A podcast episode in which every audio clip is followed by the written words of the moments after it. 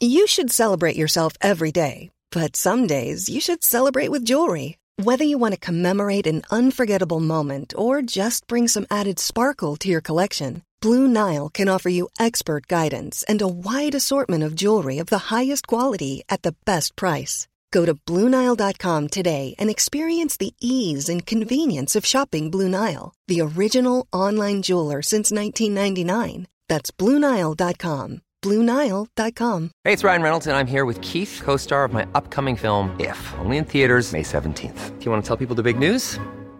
All right, I'll do it. Sign up now and you'll get unlimited for $15 a month in six months of Paramount Plus Essential Plan on us. Mintmobile.com slash switch. Upfront payment of $45 equivalent to $15 per month. Unlimited over 40 gigabytes per month. Face lower speeds. Videos at 480p. Active Mint customers by 531.24 get six months of Paramount Plus Essential Plan. Auto renews after six months. Offer ends May 31st, 2024. Separate Paramount Plus registration required. Terms and conditions apply if rated PG. I'm Sandra, and I'm just the professional your small business was looking for. But you didn't hire me because you didn't use LinkedIn jobs. LinkedIn has professionals you can't find anywhere else, including those who aren't actively looking for a new job but might be open to the perfect role, like me.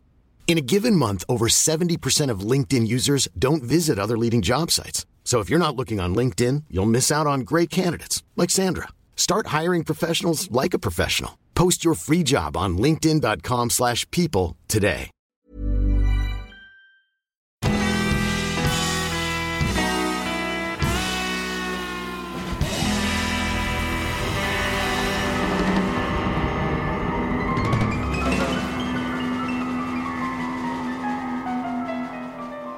Hej allihopa och välkomna tillbaka till ett nytt avsnitt av Ståpäls. Det är ju alltid jag Ida och med mig har jag ju Lukas. Lukas. Ja. Som har haft lite tekniskt strul här inför Ja. avsnittet. Jag eh, tänkte ju först att eh, jag skulle vara smart att spela in på min telefon. Eh, Men då kunde jag inte prata i telefon samtidigt som jag skulle spela in. Nej. Ehm, Så då fick jag hämta fram min gamla bärbara data som inte har ett batteri som funkar. Så den måste vara i Mhm. väggen. Mm. Och sen vill inte micken funka. Och eh, nu hoppas jag att ni ska höra vad jag säger. Ja, du hämtade ju den andra. Ja, det gjorde jag. Men Mm. eh, ja, så det, det, det var det. Tack för mig. Nej, skojar. Sen har han en liten fru som ska ha laddare och Ja, jag vill ha laddare och stå upp och ja. Men nu, eh, nu är jag redo för Ja. veckans avsnitt. så bra. Hur är det Ja. annars? Jo, men eh, det är väl bra. Jag känner mig ganska slut eh, från i helgen. Jag hade eh, utbildning hela helgen för att jag, som jag nog har nämnt tidigare, ska bli individuell tränare på Friskis och Svettis. Mm. Och eh, då hade vi ettans utbildning i helgen. Så det var ja, eh, från morgon till sen eftermiddag med eh, föreläsningar och diskussioner och träningspass och sånt smått och gott. Mm. Så jo, Mm. nej, men lite trött efter det för jag kände att jag liksom inte riktigt fick vila och landa i helgen utan det var hem på fredagen och sen körde jag till söndag eftermiddag liksom. Ja, och sen är det en massa ny information och sådär också. Ja. Men det var intressant. Mm. Hur är det Ja, själv jag då? satt ju och lyssnade lite så det var Ja, intressant. jo, men precis. Du satt ju, du var ju här i helgen och umgicks med min fru så Ja, som var lite rastlös. Ja, hon var ju det. Sånt som man kan vara ibland. ja. Ja, hur är det själv då? Ehm, just för stunden är det bra.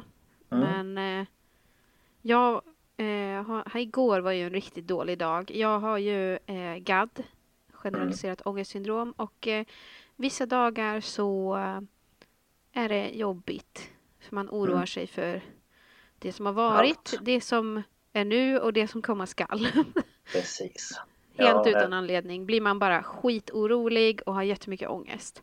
Mm. Så att, ehm, Ja, det är Ja. roligt. Eh, och eh, det tar ju på en såklart. mm. Ja, jag har varit så trött. Jag förstår det. Som jag sa till dig så, så drack jag ju precis min andra kopp kaffe. Men, eh, Mm. Jag är så Ja. Så trött. Så att jag hoppas att eh, det jag har skrivit till den här veckan är eh, bra. För jag har ju skrivit det i någon slags eh, ångestdimma. Jag förstår. Nej men jag känner lite samma. Jag har inte, alltså jag har inte mått dåligt men jag var så trött i, i huvudet. Ehm, Mm. Så när jag skulle undersöka och ja, göra min research till det här avsnittet så kände jag mig lite, lite hjärndimma. Jag Mm. var inte riktigt med så vi får väl göra vårt bästa helt enkelt. Ja. Eh, Jag ska också bara säga, eh, det är sandupptagning eh, där jag bor nu. Eh, Mhm. Och de håller på att blåsa bort grus från eh, gräsmattorna med lövblåsar. Så jag Ah. hoppas verkligen inte att det kommer med. Ja, ja. Förstår. Det Det, är, får det är den tiden på året. Ja men det är ju det. Det har ju varit full rulle här runt eh, där vi, eller där vi, där jag och min fru bor också med Mm. maskiner som har sopat och sprayat vatten och haft det Mm. veckor så att Ja. Ja men det, det är ska skönt ju när, det är skönt när det försvinner. Det är underbart. Ja det är fruktansvärt skönt när det försvinner men det ska tydligen eh, bli snöblandat regn imorgon igen. Ja, och så typ nästa vecka på torsdagen eller vad det var kunde det bli 20 grader varmt. Ja jag vet. Man bara lite, lite skillnad sådär. Ja, Eh, det är eh, fascinerande. Det är konstigt att man kan känna sig lite konstig i kroppen när vädret förändras så mycket. Så snabbt. Ja. Ja, herregud. Men, eh, Nej, ja, men ehm, ska vi... Eh, sa vi förra veckan vad vi skulle nej, på? vi gjorde ju aldrig det. Vi glömde bort det där på slutet. Ja, Men just ja. ja, vi är lite glömska. Ja, Eh, vill du säga eller ska jag berätta? du får berätta. Ja, idag så ska vi prata om konspirationsteorier. Mm, Och eh, vi har valt en varsin ja, konspirationsteori som vi ska berätta för er. Eh, mm. Och eh, Ida ska ju som sagt börja idag. Mm. jag är väldigt spänd på att höra vad du har att säga. Ja, det blir en del. Ja, det blir skoj. Det är väl lika bra vi bara kör igång, va? Ja, vi gör så.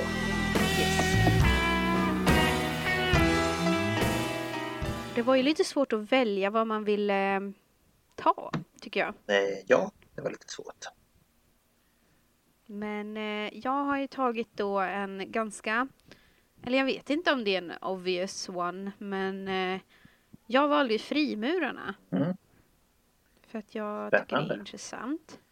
Ja, Eh, det är ju, ehm, ja, det är mycket.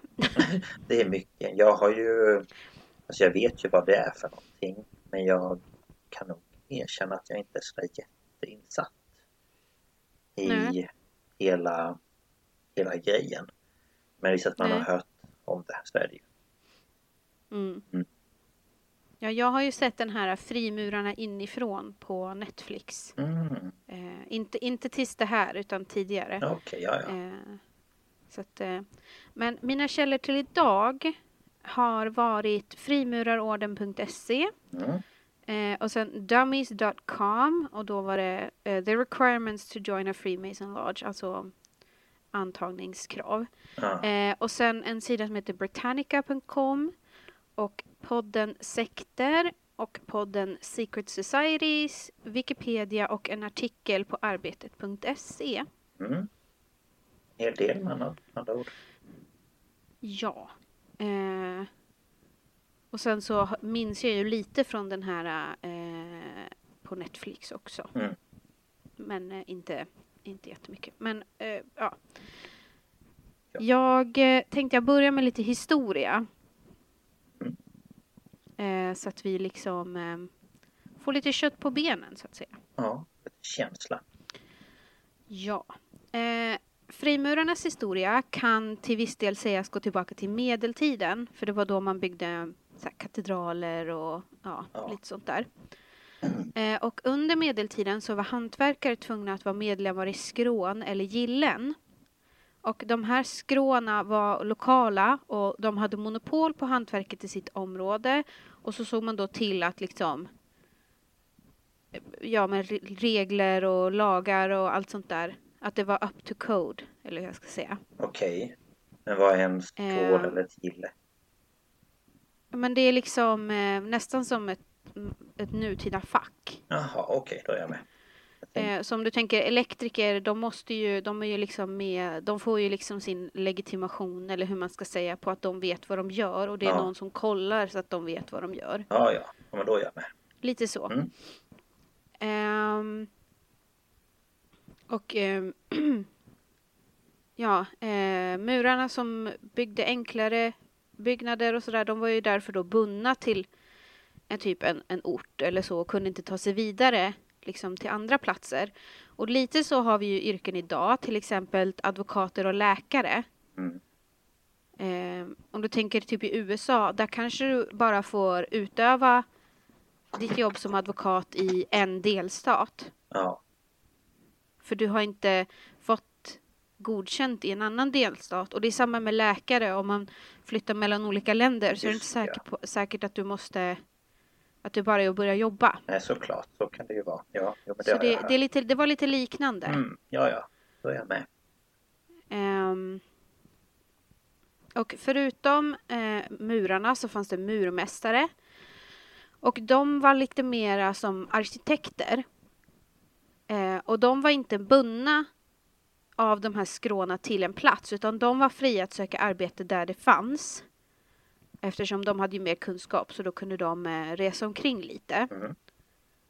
Eh, och därför så kallades de fria murare. Mm. Och därifrån har vi ju namnet på frimurarna. Ah, ah. Freemasons. Mm. Och eh, det var de här som ritade och byggde katedraler, kloster, universitet. Och de här blev ju snabbt väldigt yrkesskickliga eftersom de reste ju runt och lärde sig liksom det senaste modet inom arkitektur och byggnadskonst. Och eh, det här gjorde att man liksom litade på dem eh, så att de, man lät dem då göra eh, mera led, arbetsledande grejer. De blev liksom lite högre i rang på katedralbyggen eller de kanske fick ansvar för kyrkans konstruktion, byggnation och utsmyckning och sådär. Okej, okay. ja. Och då till sin hjälp hade de ju då murare och, och murarlärlingar och ja, ytterligare hantverkare då som gjorde sina delar. Mm. Men de var liksom eh, arbetsplatschef. Ja. Vad ska man säga? Ja, jag förstår. Eh, och eh, den här yrkesstoltheten bland frimurarna var väldigt hög och de försökte ju då som många andra yrkesgrupper bevara sina liksom hemligheter inom sin grupp. Mm.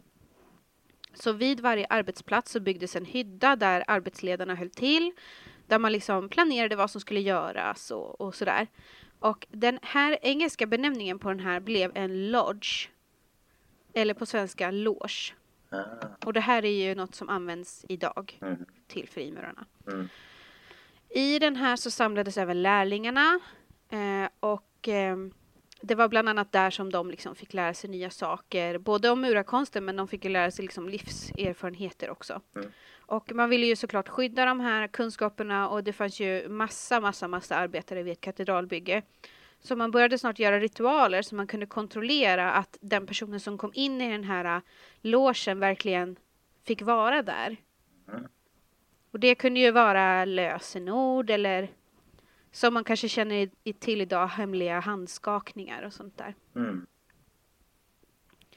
Um, och det var bara män som fick komma in där, även om det fanns kvinnliga byggnadsarbetare. Så var det bara männen som fick uh, komma in. Ja, ja, ja. Eh, men efter 1600-talet så avtog eh, byggandet av eh, katedraler och frimureriet blev snart vad man idag kallar för spekulativt frimureri. Och det här är bara för att man började ta in medlemmar som inte var murare. Okay. Och de här medlemmarna började då utgöra en, en majoritet, så det var därför det är spekulativt mm. mureri. Liksom. Den här utvecklingen inleddes i England och Skottland. Och 1717 så slöt sig fyra Londonbaserade loger tillsammans och bildade The Grand Lodge. Mm. Och eh, då bytte hela frimureriet karaktär och det blev teoretiskt istället för praktiskt. Eh, och eh, arbetet inriktades på att med hjälp av filosofiska och religiösa frågeställningar ge medlemmarna insikt om sig själva för att de skulle kunna hitta sin plats i samtiden och med hjälp då av ökad kunskap om livets mening. Okej. Det är nu det börjar bli flummigt. Ja, här. jag känner det. Det går ut för. Och man, man använder då byggnadskonstens symbolik då Mm. eh, på olika sätt. Eh, man inledde också faktiskt eh, omfattande hjälparbete där man samlade in pengar och hjälpte de fattiga och sådär. Jaha, det, ju i. Ja. Eh, grunden för allt frimureri är de tre första graderna. Det är lärling, så blir man medbroder och sen blir man mästare. Eh, på 1740-talet så började man i Europa eh, lägga till andra grader.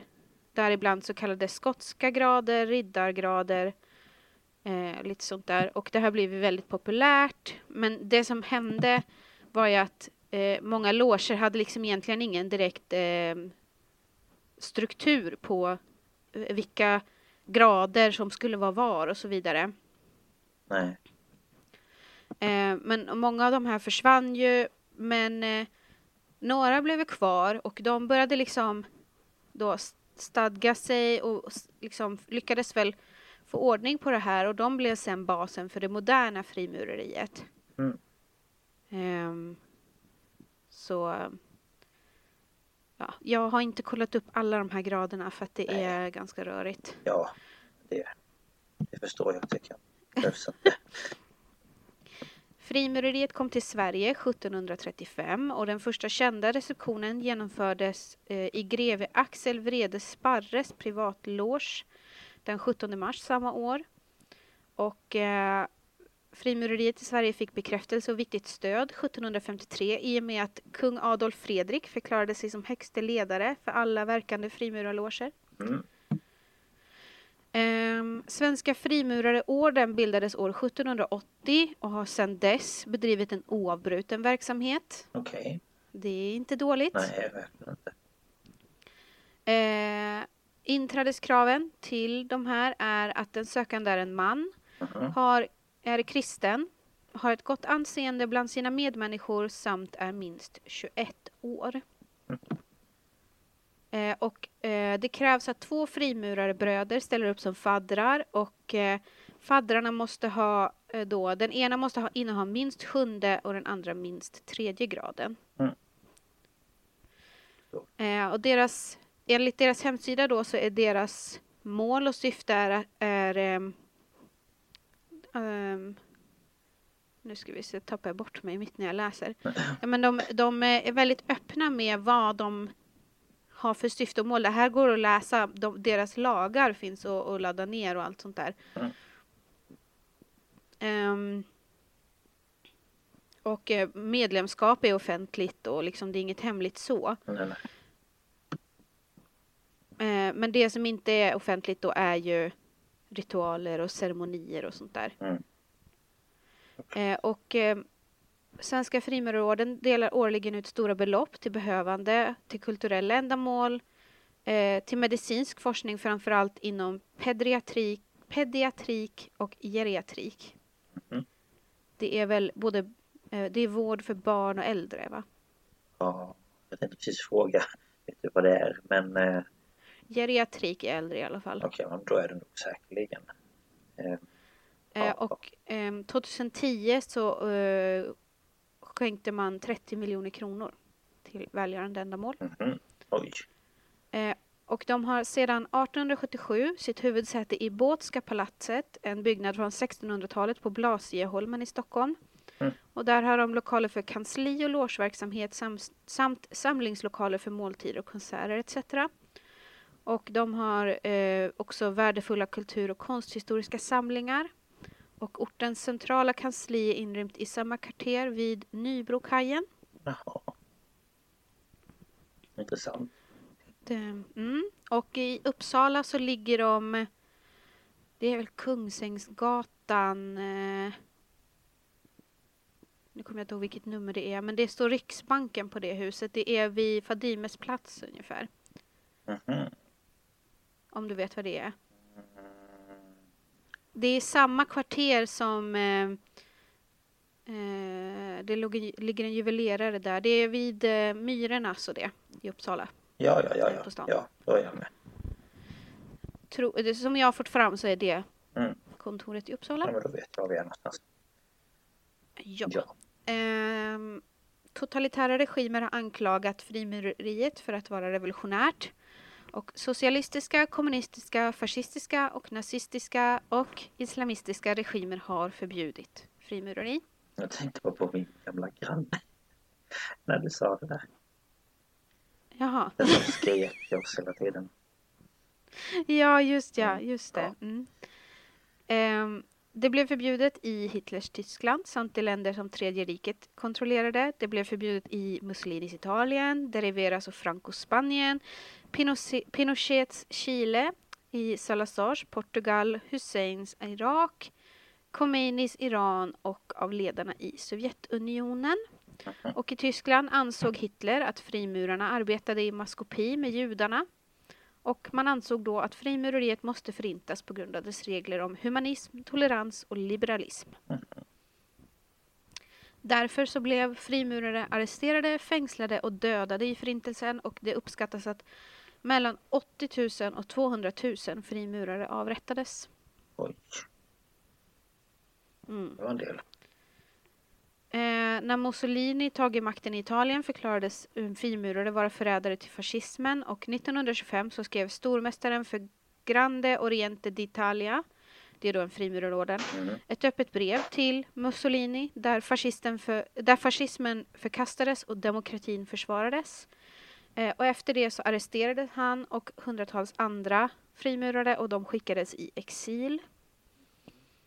Eh, under en av de största utrensningarna av frimurare, 25 till 27, så länsades kända frimurares bostäder och minst 100 dödades. Eh, och i Iran förbjuds, eh, förbjöds frimureri efter den iranska revolutionen och mer än 200 frimurare avrättades och många flydde i landet. Mm. Så Ja. att, eh, de har levt farligt om man säger så. ja. Jag måste bara be ursäkta om det låter någonting så jag håller mina katter på att leva cirkus. Så att, Jaha. ja, det är därför jag... Jag har hört att jag har rivit runt lite men Ja, nej, det är de. okej. Ja. yes. Eh, nu kommer vi till lite ja, ritualer och symboler. Mm. Eh, och för att bli frimurare behöver du några grundläggande kvalifikationer. Mm. och eh, det finns specifika kvalifikationer som varierar från en lodge till en annan. Men vissa allmänna regler. Mm. Eh, och om du uppfyller kriterierna så måste du ändå gå igenom en process för att bli fullvärdig medlem. Så det är inte bara, bara att bli liksom. Nej, nej. Men här är i alla fall några eh, grundläggande kvalifikationer. Mm. Och det är att du måste tro på en högre varelse. Alltså det måste inte vara den kristna guden. Det kan vara vem som helst liksom. Alltså en... Mm. Okej. Mm. Eh, du måste gå med av egen fri vilja. Mm. Du måste vara man. Du måste vara född, född som en fri man. Mhm. Det här är eh, gammalt då från man, man fick inte vara en före detta slav. Eller, Nej. eller man fick inte vara en slav. Man fick vara en före detta slav men inte en slav. Okej. Ja. Eh, du måste vara myndig och beroende på vilken Grand Lodge så kan det vara allt från 18 till 25 år. Mhm. Och du måste rekommenderas av minst två befintliga frimurare från den lodgen du vill gå med i. Okej. Ja. Eh, det svenska frimureriet, det så kallade svenska systemet, skiljer sig från andra internationella och eh, vissa svenska frimurarorganisationer i och med att det uteslutande vilar på att man ska vara gris, eh, kristen. Mm. Ehm, och de har andra, annat system på de här graderna man kan vara med i. Okej. Ja. Eh, Men internationellt så ställer ju inte frimurarna krav på just kristen tro. Ehm, utan det här med högre väsen det stämmer ju in på judendom och islam och, Mm. och så också. Okej. Eh, det svenska systemet praktiseras i Sverige eh, och i Finland av Svenska Frimurarorden samt eh, vissa fristående order i Danmark, Norge och på Island. Och i Norden så är det cirka 50 000 bröder som följer det här systemet och varav 15 000 är i Sverige. Ja, det är ju ändå en del. Jo, det är just det här att du måste vara kristen. Sen finns det ju eh, lodger som inte har det systemet utan de har det internationella systemet. Mm. Så jag vet inte hur många det är totalt. Nej, nej, okej. Eh, de beskriver ju sig själva som att de har ett vackert moralsystem förslöjt i allegori och illustrerat med symboler. Och de här symbolerna är ju ehm, bland annat då stenhuggarnas verktyg. Så det är fyrkanten, kompassen, lodregeln, mulsleven, det grova och släta askarna och lite annat. Och eh, liksom de kopplar olika morallektioner då till de här verktygen. Och det här lärs ju då ut inom föreläsningar och att man ska läsa på egen hand och så vidare. Och ehm, alla frimurare börjar sin resa i då hantverket genom att successivt initieras, passeras och höjas i de tre graderna av craft eller blue lodge masonry. Och eh, under de här ritualerna då så undervisas kandidaten i frimurar, symbol, frimurarsymbolerna och ja, allt sånt där. Eh, och eh, det är då en speciell eh, ceremoni som är kopplad till byggandet av Salomos tempel. Mm-hmm. Och då chefsarkitekten Hiram Abif. Eh,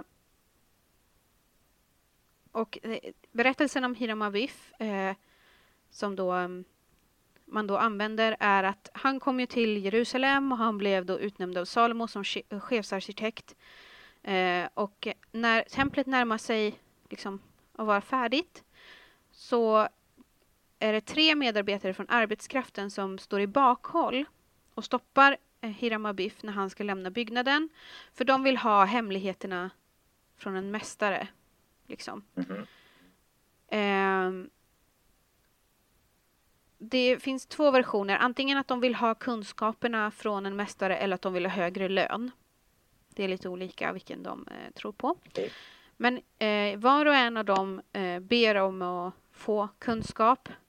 Eh, och när han vägrar så slår de honom med sina verktyg. Och någon slår honom med eh, typ som ett eh, vattenpass fast äldre då. Ja, ja. Eh, och någon slår honom med någonting annat och sen den sista slår honom med sin hammare och då dör han.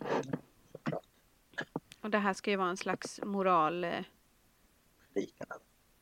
historia. Ja, jag vet inte riktigt vad, hur de tänker. Men ja. Ehm, de två symbolerna som är viktigast är vinkelhaken och passaren. Mhm. Eh, de är liksom, det är de som man kopplar mest till frimurarna. Eh, för att idén om geometri var kärnan till all utveckling, all sanning och det ultimata mysteriets höjdpunkt när det gällde mänskligheten. Mm. Eh, vinkelhaken är ett attribut till aposteln Thomas som var byggmästarnas skyddspatron. Det representerar rätvinklighet, rättvisa och rät- rättfärdighet. Och det skapar en perfekt kvadrant. Och man brukar säga att frimurarna möts on the square. Mhm. Och eh, man förstärker också med att de har schackbrädegolv i logerna. Clever. Och passaren... Va? Jag sa bara clever. Ja, visst. Eh, passaren är instrument för att skapa en perfekt cirkel, så den representerar solen. Och på medeltiden symboliserade den geometri, kosmisk ordning plan och planlagd verkan. Den personifierar de fria konsterna, astronomi, arkitektur och geografi. Och tillsammans så bildar de här då passaren och vinkelhaken den heliga, med den heliga boken så representerar de de tre stora ljusen och en allomfattande människokärlek. Okej. Ja. Ja, det låter väldigt flummigt, ska jag säga. Eh, ja. Sen så finns det två eh, symboler till som kan förknippas med frimurarna och det är hexagrammet. Mhm. Det är en uråldrig symbol som symboliserar makrokosmos eller världsbyggnaden. Eh, det förekommer ofta med eldslågor från varje spets och kallas då för den flammande stjärnan. Mm. Ehm, det kan också vara ett G i mitten av hexagrammet och det här representerar geometri, gnosticism eller Gud. Det är ju... Ja, nej, det är lite Det är, det är mycket. Och lägger vi ihop de sex, sex yttersta punkterna plus den punkt som skapas i mitten så får man talet sju. Mm. Och det här representerar de sju kosmiska princi- principerna enligt gammal astronomi eller astrologi. Mm. Det är också ett magiskt tal. Eh, det förknippas med jordens tillkomst på sju dagar. De fyra månfaserna som varar i sju dagar. Det finns sju noter i den musikaliska skalan. Sju färger i regnbågen och sju dagar på en vecka. Ja, jo, det stämmer ju sig. Det är... Ja, jo, men det, det, blir, det blir nästan som den här filmen 13. Ja, men precis. Allting är liksom 13 eller 7. Ja. Eh, sen så använder de också pentagrammet. Mm. Det är ju en väldigt gammal symbol. Mm. Det symboliserar mikrokosmos eller människan. Och den femuddiga stjärnan representerar de två, siffror, de, ja, de två siffrorna 2 och 3. Som är den första jämna respektive udda siffran i vårt räknesystem. Eh, det här symboliserar en kombination av dualism och treenighet. Eh, och dualism är eh, frimurarnas teori om att allt har sin motsats och är beroende av varandra. Eh, gott och ont, glädje, smärta, aktivt, passiv, inne, ute. Alltså inget är komplett utan det andra. Ja, det kanske också stämmer. Sen så finns det också ehm, de två pelarna som man kan se på mycket av ehm, deras konst och så vidare. Och det är Jakin och Boas. Mm. Eh, och de fanns vid ingången till kung Salomos tempel. Mm. Och Jakin är pelaren till vänster som associeras med grundande och etablerande. Och på toppen av dem finns två glober som symboliserar jorden och himlen eller solen och månen. Och där har vi också den här dualismen då, natt och dag. Mm. Ja. Ja. Jag ska nog inte bli någon Eh. frimurare känner jag. Nej, inte. jag får ju inte. Så Nej just det, du får inte. Haha, du får inte. Jag klarar mig. Eh, idén om frimurarnas brödraskap kommer förmodligen från en juridisk defi- definition från 1500-talet där de då kallar varandra för bror. Bror. bror. Eh, de får ju svära, vid varje grad så svär de att hålla innehållet i den graden hemligt då stötta sina bröder. Eh, och eh, man får ju, eh, ja, man får ju svära på, eh, kanske inte Gud, men Nej. Jo, man, man, får ju, man får ju svära på en bok och då får man välja vilken bok Ja man vill ha då. Mm. Om det är Koranen eller Bibeln eller vad det är. Ja. Ehm, den norska teologiprofessorn Sverre Dag Mogstad har avslöjat lite av frimurarnas hemligheter i boken Frimureri. Mm. Och han säger att en frimurare lovar följande till stormästaren och sina bröder. Och det här är citat. Att med lydighet underkasta mig och verkställa allt vad frimurarordens stormästare och högsta styrelse eller logens ordförande mäster i hans namn påbjuder mig som frimurare. Men ifall jag på minsta sätt skulle bryta mot detta löft, mitt löfte så samtycker jag till att min hals må bli avhuggen, mitt hjärta utslitet och min tunga och mina inälvor må slitas ut och kastas i havets avgrund. Men fy. Man bara okej. Det, det är nog bildligt talat, men eh, Ja, ja. jag hoppas. Fan ta det. dig om du berättar någonting. Ja, åh jävlar. Då blir det illa. Alltså. Då åker du ut i sjön. Ja. Ja. eh, nu kommer vi till eh, några konspirationsteorier om frimurarna. Mm. Eh, många konspirationsteoretiker har försökt eh, koppla frimureriet och tempelherreorden med djävulsdyrkan. Men det här eh, grundar sig på feltolkningar om eh, organisationernas läror. Men vanligen så placeras teorierna i tre rubriker. Det är politiska, och det är oftast beskyllningar om att man skulle kontrollera staten, särskilt i USA och Storbritannien. Ja. Religiösa, och då är det att man är satanister och så vidare, och sen kulturella. Eh, och av de många konspirationsteorier som hävdar frimureriets politiska inflytande så är sannolikt den mest välkända den om A New World Order. Ja. Men det finns fler exempel. Eh, det här är ju bland annat om USAs federala statsmakt, eh, men även andra internationella händelser och jag har eh, punktat upp några här. Eh, man säger att rättssystemet är djupt infiltrerat av frimurare som medverkar till att frimurare som mi- misstänks för brott får fördelar i rättssalen. Och där då så snedvrider man rättssäkerheten. Eh, man menar också att frimureriet eh, antingen överlappar med eller kontrolleras av Illuminati. Ja, såklart. Ehm, och frimurare som samtidigt är medlemmar av Illuminati ska enligt denna teori kontrollera viktiga delar av samhället och arbetar för att skapa en ny världsordning. Eh, och en del konspirationsteorier som kopplar ihop frimureriet och Illuminati de tar även dit då tempelherreorden eller tempelriddarorden eh, juden, och judendomen och de då har kopplats ihop eh, för att kontrollera världen. Och den här teorin eh, beskrivs så tidigt som 1792. Oj.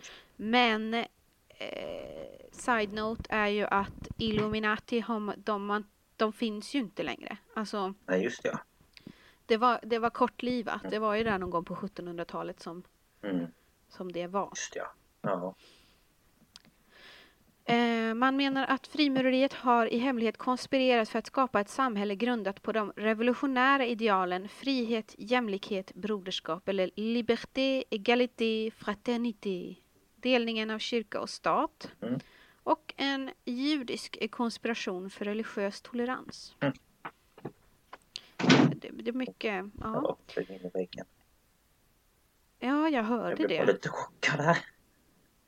Ja, herregud. Ja, det, Eh, man menar att frimurarna var inblandade i mordet på John F Kennedy. Mhm. Eh, och man säger då som sagt var att det är en judisk fasad för världsdominans eller att de åtminstone kontrollerats av judarna. Och ehm, ett exempel på det här är, är då Sion Vises protokoll. Och det kanske vi tar upp i ett annat avsnitt. mm. Men det var dels på grund av det här som Hitler förbjöd frimurarna. ah, okej. Eh, och den palestinska islamiströrelsen Hamas hävdar att frimureriet är ett hemligt sällskap som grundats som en del av en sionistisk komplott för att uppnå världsdominans. Mm. Mm. Vem vet? Ja, och eh, teoretiker säger att frimurare håller möten i Bohemian Grove med inflytelserika, inflytelserika politiker och affärsmän. Och att man vid dessa möten tillber en staty av en uggla. Det eh, kommer jag också nämna. Ja. Eh, flera teorier handlar om frimurerier och relig- religion också då. Mm. Eh, särskilt att frimurarna skulle vara, eh, hålla på med ockultism. Eh, och förutom de här påståendena så finns det olika teorier som fokuserar hur, på hur symbolik används för att lägga in eh, frimurarnas symboler i vardagsföremål, till exempel gatunät, riksvapen, sedlar och så vidare. Mm. Ehm, jag måste bara sätta i laddaren i min dator ser jag nu. Så. Om jag hittar, hittar Ja, hålet. precis. Så. Eh, skärmen blev plötsligt mörk. Jag bara, vad hände? Mm. Ehm, mm, mm. Ja. Eh, här har jag då punktat upp några teorier som handlar om eh, detta. Mm. Man menar att det är en egen religion och det förutsätter en tro på en unik då frimurargud och tron på att denna gud står i strid med de stora religionernas läror. Mhm. Eh, Men man fokuserar ju då på att det skulle främst att det skulle stå i strid med kristendomen. Okej. Eh, Det är ju alltid, alltid så känns det som. Ja, jo. Eh, man menar att den skotska ritens 33 grad är mer än bara en hedersgrad. Eh, kopplat Hey, I'm Ryan Reynolds. At Mint Mobile, we like to do the opposite of what Big Wireless does. They charge you a lot, we charge you a little. So naturally, when they announced they'd be raising their prices due to inflation, we decided to deflate our prices due to not hating you. That's right. We're cutting the price of Mint Unlimited from $30 a month to just $15 a month. Give it a try at mintmobile.com slash switch. $45 upfront for three months plus taxes and fees. Promo for new customers for limited time. Unlimited more than 40 gigabytes per month. Slows. Full terms at mintmobile.com. Hey, it's Ryan Reynolds, and I'm here with Keith, co star of my upcoming film, If, only in theaters, May 17th. Do you want to tell people the big news? All right, I'll do it. Sign up now and you'll get unlimited for $15 a month in six months of Paramount Plus Essential Plan on us. Mintmobile.com slash switch. Upfront payment of $45 equivalent to $15 per month. Unlimited over 40 gigabytes per month. Face lower speeds. Videos at 480p. Active Mint customers by 531.24 get six months of Paramount Plus Essential Plan. Auto renews after six months. Offer ends May 31st, 2024. Separate Paramount Plus registration required. Terms and conditions apply if rated PG. Till idén om att de flesta frimurarna är omedvetna om hemliga eller dolda bestämmande funktioner i varje organisation. Eh, men att de ändå liksom blir påverkade då och har ul- ockulta sammankomster och kontrollerar olika nivåer inom regeringsmakten. Det är, mm. Ja, man tror ju då att det finns en central styrelse som styr över hela världen och ser till att alla frimurare jobbar för samma sak. Mm. Det finns de som säger att frimurarna tillber Lucifer eller Satan. Eh, och då att frimureriet är okult till sin natur och dyrkar sin egen gud och då kallar man det för G-A-O-T-U eller Gautu. Hela världens store byggmästare. Eller Jabulon som är en blandning av gudarna Jahwe, Baal och Osiris. Mhm. Eh, och de smyger ju in sina symboler och numerologi i samtiden, till exempel till företagslogotyper. Mm. Eh, USA grundades ju av frimurare som har smugit in sina symboler i det amerikanska samhället, särskilt i stadsvapen, gator i Washington DC, arkitektur och på dollarsedeln. Mm. Det kan jag tänka mig. I Sverige beskylldes frimurarna tidigare för att bland annat äta barn. Men okej. Lite drastiskt Det här känner jag. ryktet uppstod. det är så här, eh, okej. Eh, för man i Stockholm grundade sitt första barnhus 1753. Eh, för i- vid den här tiden så var ju sociala skyddsnät få. Ja. Eh, och föräldralösa barn levde ju på gatan och tog, man tog då hand om dem, alltså frimurarna, och satte dem i de här barnhusen och gav dem grundläggande utbildning. Och när de här barnen då inte längre syntes på gatorna eller när ensamstående mödrar lämnade in sina barn som också då försvann dröjde det inte länge förrän ryktet om frimurarna som barnätare Ja. kom Så till. de att de åt upp dem. Ja. Ja, det inte. Ja. Eh, ja. Nej, nej, nej, nej. Nej, nej, nej. Eh, man menar att frimurarna iscensatte och förfalskade månlandningarna som genomfördes inom ramen för Apollo-programmet. Eh, man menar att Jack Uppskäraren var en frimurare vars mord efterliknade frimur, frimurarnas initiationsritualer. Jaha, Mm. det... Den jäkeln har man ju fortfarande inte tagit. Nej. Nej. Eh, Skull and Bones, som är en organisation, och andra organisationer är förknippade med frimureriet enligt många. Det här är ju, Skull and Bones är också en sån här, den kanske vi också tar i ett annat avsnitt. Eh, jag kan inte jättemycket om dem. Nej. Eh, 11 september-attackerna var astrologiska till sin natur och en del av ett hemligt krig mellan frimurare som var då arvtagare, arvtagare till tempelherreorden och islam. Mm. Så det var ett, ett eh, krig mellan frimurare, tempelherrarna och islam. Mm. Och sen den här, den här har du ju hört. Frimuren, eh, frimurarna antingen bistår eller består av reptila humanoider som kontrollerar världen genom att byta ut världens ledare mot sina Ja, egna. just ja. Ja, det har man ju hört. Det här har, har man ju sett på Youtube. finns ju såna här eh, videos på folk när, när de säger att de får Ja, reptilögon. precis, när ögonen skiftar liksom. Mm. Men eh, Och då, det är ju, eh, ja. kan man göra på datorn. Och där har vi också då den här nära kopplingen till Illuminati och det har vi ju eh, Beyoncé och Jay-Z sägs ju göra en Illuminati- Illuminati-symbol Mm. och Många Ja. kändisar som, ja, det ska smyga in lite sådana där eh, tecken i vissa musikvideos och ja, ja, grejer. ja, det är fantastiskt. Eh, sen har jag en lista på kända frimurare som man kanske inte visste om. Eh, de är liksom i, utan inbördes ordning för det är blandade tidsepoker. Men vi börjar med Lasse Berghagen. Jaha, oj, Mm. Carl Michael Bellman. jaha. Axel von Fersen. Mm. Viktor Rydberg, han som skrev Tomten. Mhm. Hasse Aro. Ja, men. Eh, vi har Olof von Dalin. Eh, Benjamin Franklin, såklart en av USAs founding fathers. Eh, Buzz Aldrin. Mm. Astronaut. Charles Lindbergh. Eh, Franklin D. Roosevelt. George Washington, ännu en av eh, USAs founding fathers. Vi har Henry Ford. Louis Armstrong, sångaren. mm, Ludwig van Beethoven. Beethoven. Mm. Silvio Berlusconi. Walt Disney, men det är ganska känt. Ja, det har man ju hört.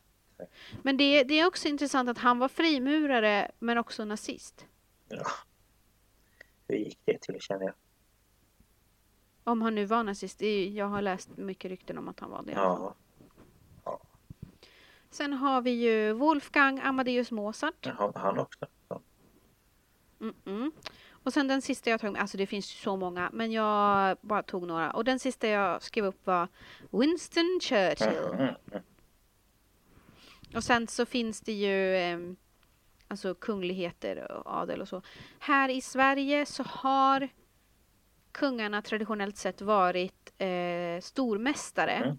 Men vår nuvarande kung vill inte det, så han är mera som en sån här patron, alltså beskyddare av orden. Mm. Men han är inte Nej, stormästare. nej. Eh, och något som jag glömde skriva på symboliken är ju eh, om man har sett, de har ju såna här fina kostymer och så har de ju sina band. Eh, och de har alltid vita handskar. Sen har de ju små förkläden. Eh, och det här är liksom något då som man förtjänar och man börjar med ett väldigt enkelt och sen ju högre upp det kommer desto mer symboler blir det på det här förklädet. Ja, förstår. Mm. Ja, intressant. Ja, och alltså det går ju att gå mer i djupet på alla konspirationsteorier, men det var ju så mycket och så liksom jag ville ta det lite mer övergripande den här gången. Ja, men eh, Eh, det går ju att eh, gå in djupare i ett senare avsnitt. ja, jag tänker det också. Det var lite eh, kring mitt också som jag tänkte att åh, det här skulle man gå in djupare på. Eller, ja, Mm. Ja, det är ändå spännande. Mm. Sant. Alltså jag tycker ju det här med all symbolik och sånt, det är ju väldigt intressant. Ja, visst är det det. Eh, att någon har suttit och liksom kopplat ihop allt det här och Mm. Ja, det är häftigt. och allt sånt. Och sen, sen känner man ju till det här med att ja, men på dollarsedeln då har du ju det här the all seeing eye Mm. och, och mycket sånt. Och det, det är inte så konstigt eftersom eh, grundarna av USA var frimurare. Det är klart att Ja, de men såklart. sticker in det då liksom. Ja, ja, det är inte så konstigt. Ehm, och det här med Washington DC, att det är mycket frimurar Mm. i hela. Men det har ju också med det att göra. Mm. Eh, och mycket på byggnader och, och så vidare. Ja, visst är det så. Ja. Häftigt. Mm. Mm. Intressant. Men eh, nej, någon frimurare ska jag då inte gå och bli.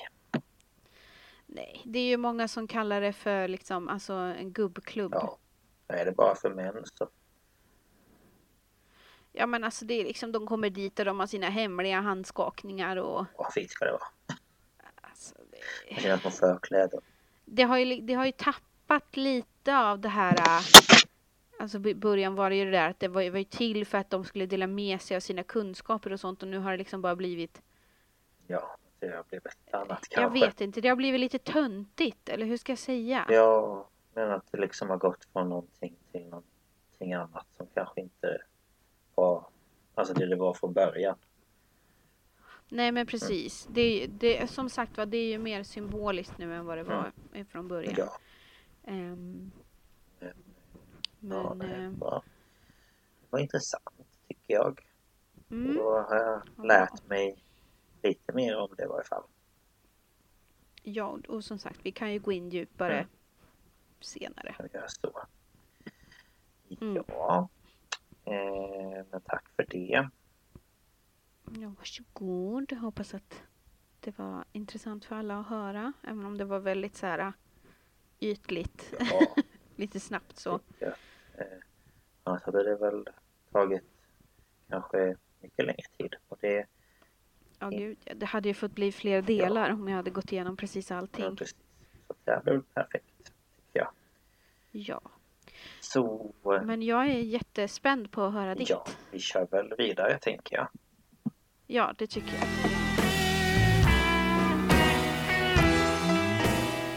Och jag ska då prata om Bilderberggruppen.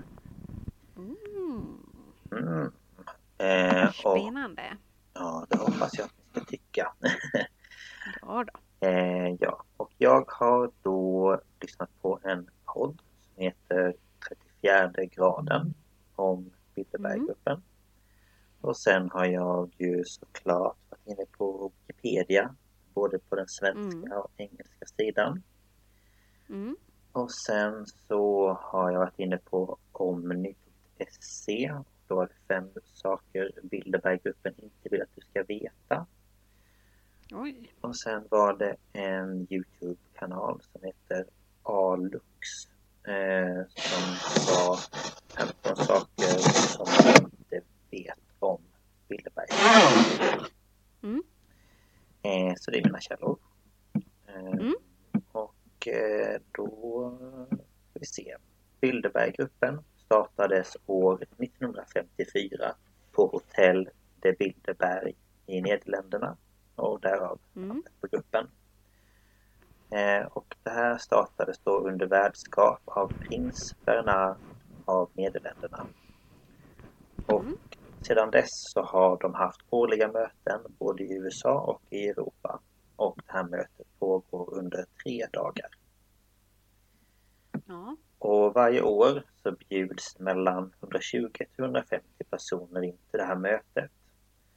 Och de här personerna det är eh, politiska ledare, högt uppsatta personer inom näringsliv, media, eh, finansvärlden, men även inom forskning och eh, militären. Mm. Jag visste inte att de var så många. Jo, de är eh, tydligen ganska många om man säger så. Alltså jag visste ju att det var, att det var stort men inte så stort. Nej, jag förstår. Nej, men det är större än vad jag också trodde. Mm. Ehm, Men de här personerna i varje fall, de bjuds in för att diskutera olika saker. Och eh, varje år så är det en ny agenda, vilket till exempel kan vara den globala ekonomin eller terrorism. Mm. Och eh, gruppen har en regel eh, som då innebär att de som deltagit under mötet, de får inte avslöja vem som sagt vad under de diskussioner som hålls. Mm. Eh, och de här mötena de organiseras av 34 personer i styrkommittén.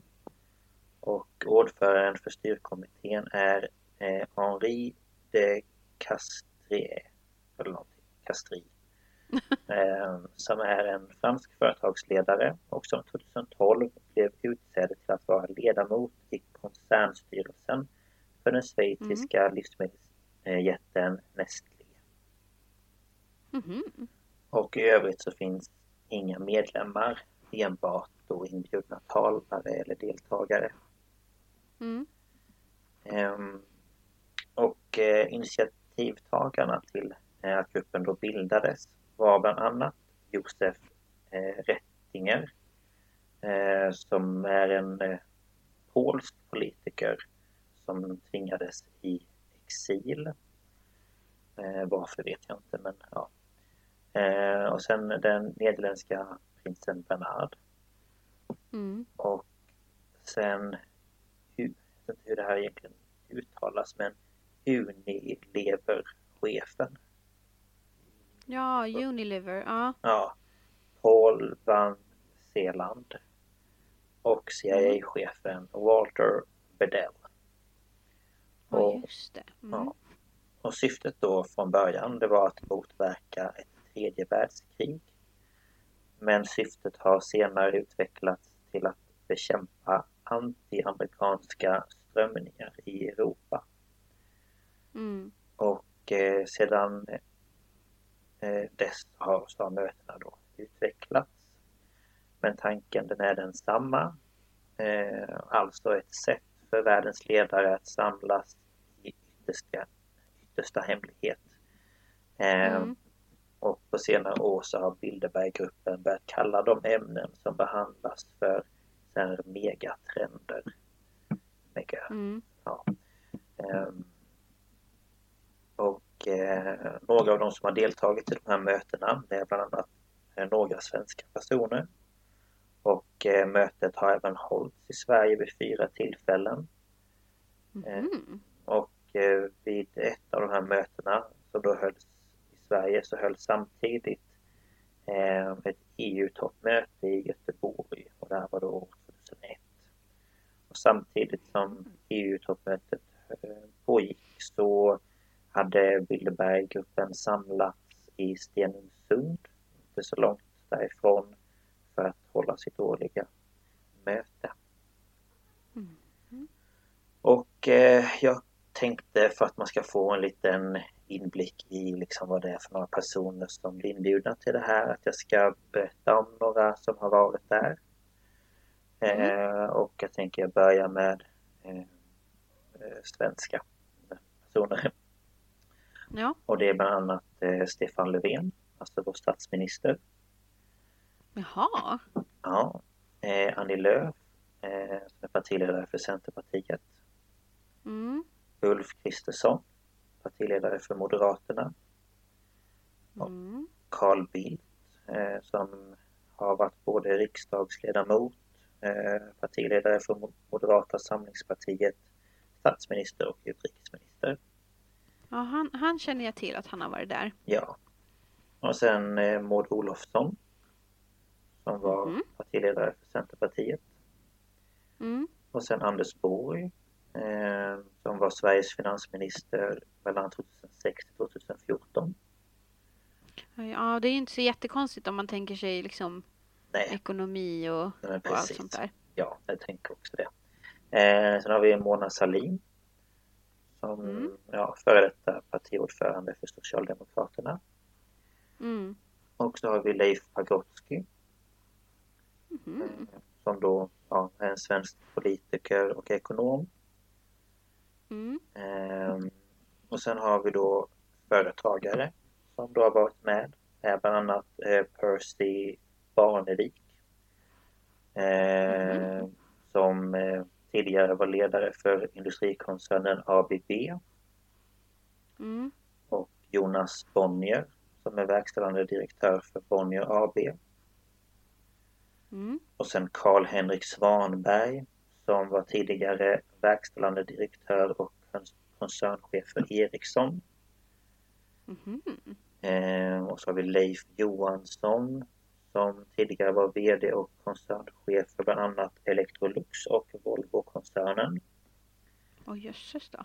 Ja, och sen har vi ett helt gäng från Wallenbergsfamiljen Ja, såklart. och de är ju då väldigt stora inom eh, näringsliv, Ja. eller näringslivet. Ehm, och sen har vi även haft ehm, eh, kung Carl Gustav har varit där också. Jaha. och Olof Palme. Eh, Ja, såklart. Och sen när det kommer till utländska deltagare så kan man tänka sig i princip de flesta stora inom Alltså alla premiärministrar, Mm. heter det, presidenter, Mm. stora företagare och ekonomer. Och, ja, Men det är fascinerande att kungen fick åka dit. ja men han har varit med Jaha. Tror inte han fick hålla på med sånt där.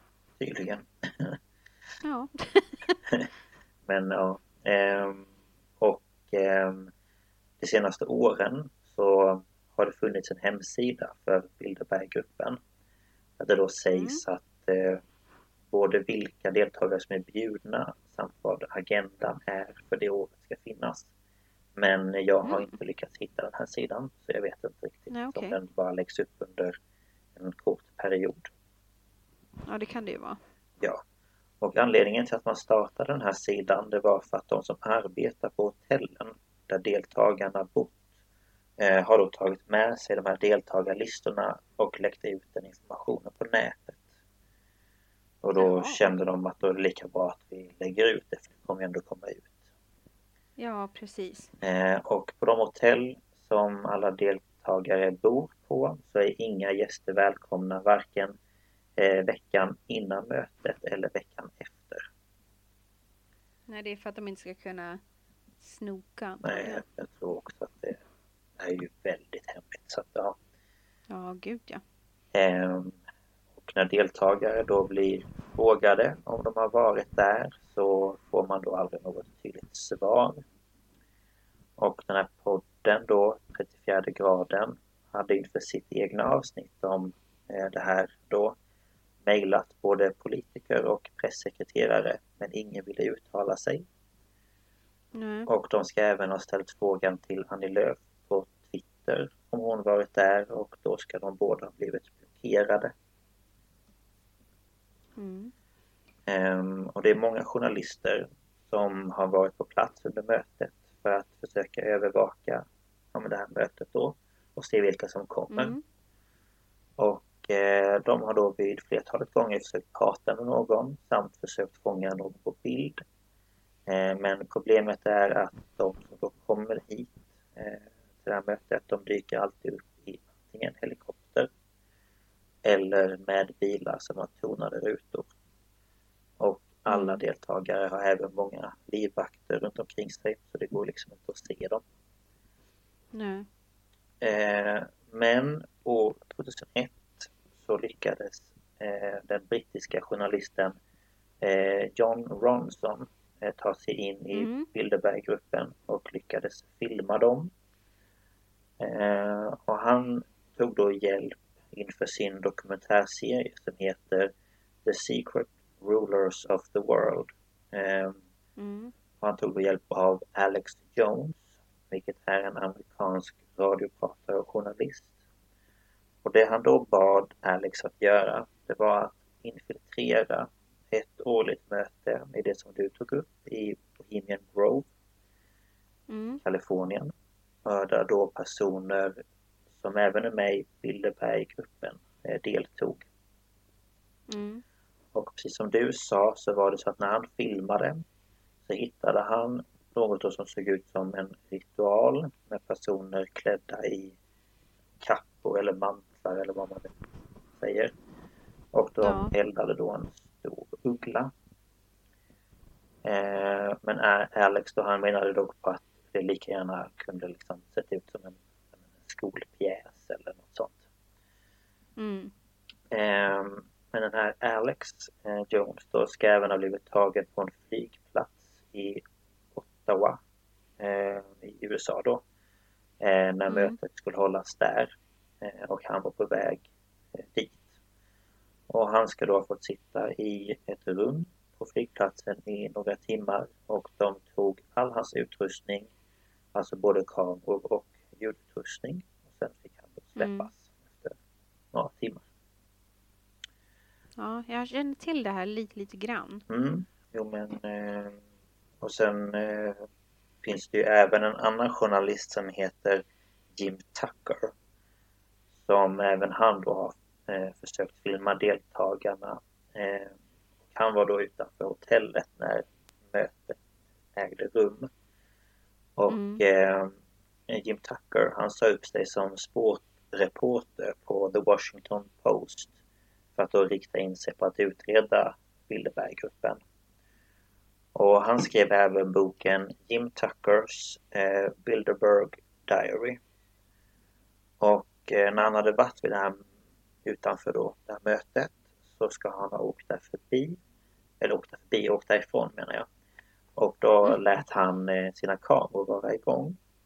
Och då Mm. blir han och de han var med förföljda av eh, ja,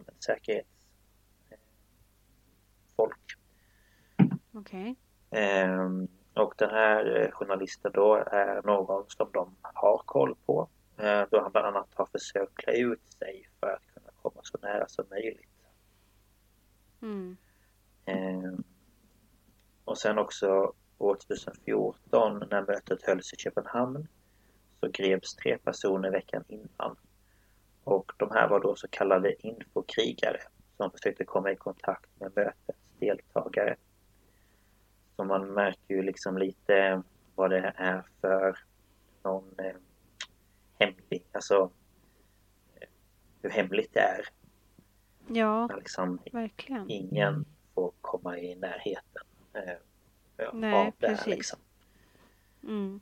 Ehm, och ehm, för att eh, ta upp lite vad de eh, kan ägna sig åt under en sån här tre dagars möte. Så Mm. ehm, förra året så hölls det ju inget möte, vad man vet i varje fall på grund av pandemin. Men, Nej, precis. ja, men året innan i varje fall, 2019, så var agendan enligt deras hemsida eh, en stabil strategisk ordning. Eh, vad kommer härnäst för Europa? Eh, global uppvärmning och hållbarhet. Mm. Och sen var det en som bara stod China. eh, och sen en med Ryssland. Låt mig gissa att det var Trump som tog upp den. China. Ja, men han får inte vara där. Alltså, Men just det. han, eh, de ville inte ha honom där. De ville inte ens att han skulle vinna Ah. valet. Så han var nog inte inbjuden. Nej, just det. Ja. Mm. Eh, och Ryssland hade de också som en punkt. Mm. Eh, och sen kapitalismens framtid. Eh, Mhm. Brexit. Mm. Och sen etiken i artificiell intelligens. Mm. Och sen en som jag har lite svårt att översätta men the weaponization of social media. Så Ja, typ, men att man använder eh, sociala medier som någon slags socialt vapen ja, liksom. men precis. Och sen vikten av rymden och alltså cyberhot, alltså näthot. Mm, mm. Ehm, och eh, upplägget av liksom hur det här ja, men hur man då håller i de här mötena har då skapat en omfattande diskussion om vad detta är för slags möte. Mm. Och det finns människor som menar att jordens framtid bestäms på dessa möten där makthavare kommer överens med varandra. Och eh, delvis på grund av dess arbetsmetoder för att säkerställa strikt integritet och sekretess så har Bilderberggruppen kritiserats eh, för sin bristande transparens och ansvarsskyldighet. Ja. Och eh, det okända liksom, tillvägagångssättets karaktär har då gett upphov till flera konspirationsteorier. Eh, och den här synen då på gruppen, den har varit populär länge då i båda ytterligheterna inom liksom, politiken.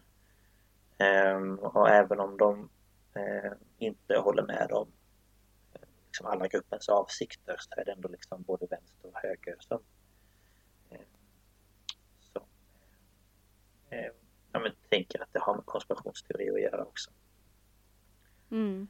Och eh, de till vänster i varje fall eh, inom politiken de anklagar Bilderberggruppen för att vilja införa en kapitalistisk dominans.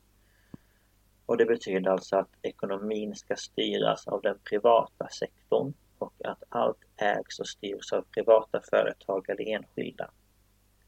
Mm. Medan de till höger har anklagat gruppen för att vilja införa en världsregering vilket innebär att en aktör styr hela världens politik. Mm. Och, en, Det, ja. ja, och det kanske inte är så jättebra tänker jag. Nej. Nej. Ehm, och en konspirationsteori är att Bilderberggruppen bestämmer vem som ska bli president eller premiärminister. Mhm. Ehm, och då har jag eh, två exempel då. För Bill Clinton deltog i gruppen år 1991 och blev president i USA året efter. Och, Ja, just det. ja, och eh, Tony Blair eh, bjöds in år 1993. För den tiden så visste knappt ingen vem han var. Men år 1997 så blev han Storbritanniens premiärminister. Mm. Och varje år har Bilderberggruppen bjudit in politiker som vid den alltså tiden för mötet inte är särskilt stora inom politiken. Men efter att ha deltagit så blir de det. Mm. Ehm, och en annan teori är att gruppen planerade år 1973 att öka oljepriserna. Ehm, vilket de sen, alltså ökade ju sen liksom. Ehm, Och Mm. många av de som deltar i mötena är stora inom olika oljeföretag. Som till exempel Mm. eh, Shell och BP, eh, British Petroleum. Mm. Och eh, därför är det en slutsats som är lätt att dra. Mm. Eh, och sen år 1955, alltså ett år efter att gruppen hade bildats, eh, så diskuterade gruppen hur man skulle kunna föra samman Nordamerika, Kanada och Mexiko till ett, en nation, eller ja, ett land. Och det Mm. finns då dokument från det här mötet som bevisar detta. De ville alltså då Mhm. skapa en nordamerikansk union. Mm. Eh, och sen har vi David Rockefeller som var en amerikansk bank och finansman som har deltagit i Bilderberggruppen. Och han har öppet sagt att han var en del av en hemlig kabal. Och en kabal, det kan man säga då är i det här sammanhanget en mindre grupp insatta personer som samverkar i det tysta för att uppnå sina politiska mål. Mm. Eh, Och han ska ha fått frågan om han var en del av en ny världsordning. Och då ska han, han ha svarat att om det är anklagelsen så är han skyldig och att han är stolt över det. Okej. Ehm, Mm. Ja, och det sägs att eh, de som ska delta i mötet, de välkomnas oftast då på, en, på flygplatsen i närheten av den staden man ska vara i. Eh, av en chaufför som kör limousin och då står de där i den här ankomsthallen med en enkel skylt med ett BK. Eh, och bland annat Henry Kissinger, eh, drottning Beatrix av Nederländerna och världens rikaste VD välkomnades år 2016 med en sådan skylt. Och det här lyckades ju då några journalister ta kort på. Eh, men eh, de här korten finns inte längre att hitta. De är Nähä. borta från internet. Så konstigt. Ja, jättelustigt. Ehm, och eh, det är såklart svårt att få en inblick i vad som diskuteras under de- här mötena då allt stannar hos de som har deltagit.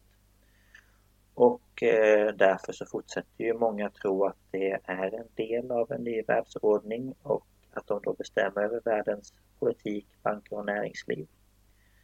Medan vissa drar det så långt så de tror till och med att det är djävulsdyrkare eller att de får order från högre makter.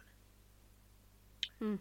Men det som dock inte är så svårt att förstå det är ju att när en grupp av världens mest inflytelserika och rika personer samlas i ett och samma rum så blir de väldigt mäktiga. Mm. Eh, slut. Slut. Slut. Ja, det är mycket lustigt detta. Ja, alltså. Jag vet inte riktigt vad man ska tro. Nej, alltså det är ju svårt. Men samtidigt så... Jag tycker är så lustigt är ju just det här. Alltså att det ska vara så himla... Ingenting får yttras, ingen får se vem som kommer dit, ingen får Mm. veta någonting av vad som har sagts eller jag menar om du tänker att du ser den här agendan och så ser du typ Kina. Jaha men vadå Kina? Vad ska ni prata Alltså Mm. de ger ju inte så mycket ledtrådar precis. Nej, precis. Och att det då är just liksom de högsta av de högsta som kan besluta. Jag menar om de vill besluta om någonting så är det ju ganska lätt att få det alltså, igenom. Ja, precis. Så ja, nej men det är intressant tycker jag i alla fall. Mm, verkligen. Mm. I think so. Och att det, det hänger ändå ihop med det här med frimurare och allt sånt där liksom. Det är... Mm. Ja, men det är ju lite eh, på vissa sätt är det ju lite samma. Eh, Mm. Hur man ser på det och Och också att många som, som blir inbjudna till det där också är frimurare och... ja, men precis att de i det här Bohemian Grove och, och det tänker jag att Mm. man också skulle kunna ta någon gång för det är också väldigt högt uppsatta personer som samlas i Kalifornien då och har Mm. något liknande mötesgrej som det här då. Eh, Ja, gud, det finns mer att gräva i, det kan man ju säga. Men verkligen och jag kan tipsa om Nu var det så att jag kom på att jag kunde fixa PodMe ändå eh, men jag gjorde inte det inför det här avsnittet. Men de har en podd som heter Sanning eller konspiration. Där de har, Ja, det avsnittet är så bra. ja, när de har pratat om Lindeberggruppen. Så det kan jag verkligen Mm. tipsa om. Men det finns bara på PodMe och där kan man få det var 30 dagar gratis om man eh, Mm. ja, men är ny, heter det, ny medlem. Ja. ja. Så in och lyssna på Jag det. kan också tipsa om eh, den här podden Secret Societies. Mm. De har också tagit upp Bilderberggruppen. Mm. Ja, nej, men där finns. De finns på Acast och Spotify och sådär. Yes. Det, är- Så att det är så eh, mycket intressant. Det går att grotta ner sig om man så gärna vill. Verkligen. Och det är väl så när det kommer till sådana här konspirationsteorier. Mm. Mm. Så ja, men det var väl allt för den här veckan. Vill du eh, köra Ja, igenom vad man kan nå oss? ja, man kan ju mejla oss på staphalspodcast@gmail.com. Ehm, skriva vad man vill. Eh, man kan också nå oss på Instagram på staphalspodcast. Eh, följ oss. Vi lägger ut ehm, ja, men information om det är så att ett avsnitt blir försenat eller så lägger vi ut bilder eh, som vi kanske pratar om vissa saker. Som förra veckan pratade vi om Dybbuk och eh, Drauger och då har vi lagt ut bilder på Mm. en Dybbuk-box och lite sånt där. Ja, Eh, eller när vi pratar om seriemördare så har vi lagt ut bild på hur de såg ut och, ja, och lite sånt. lite så. Eh, så att följ oss där för att hålla er uppdaterade. Ja, gör så. Och ehm, följ, eh, prenumerera och betyg gärna, eh, betygsätt gärna podden. Betyg på- gärna. Där ni lyssnar. Yes. Betyg gärna. Betyg gärna. Betyg tack. gärna. Eh, nej men det hjälper oss Ja. väldigt mycket. Det gör ju det. Eh, Så det uppskattas. Eh, ja, verkligen. men eh, ja, tack för att ni har lyssnat. Eh, Tack så mycket. ta hand om er. Så hörs vi igen nästa vecka. Det gör vi. Hej då! Hej då!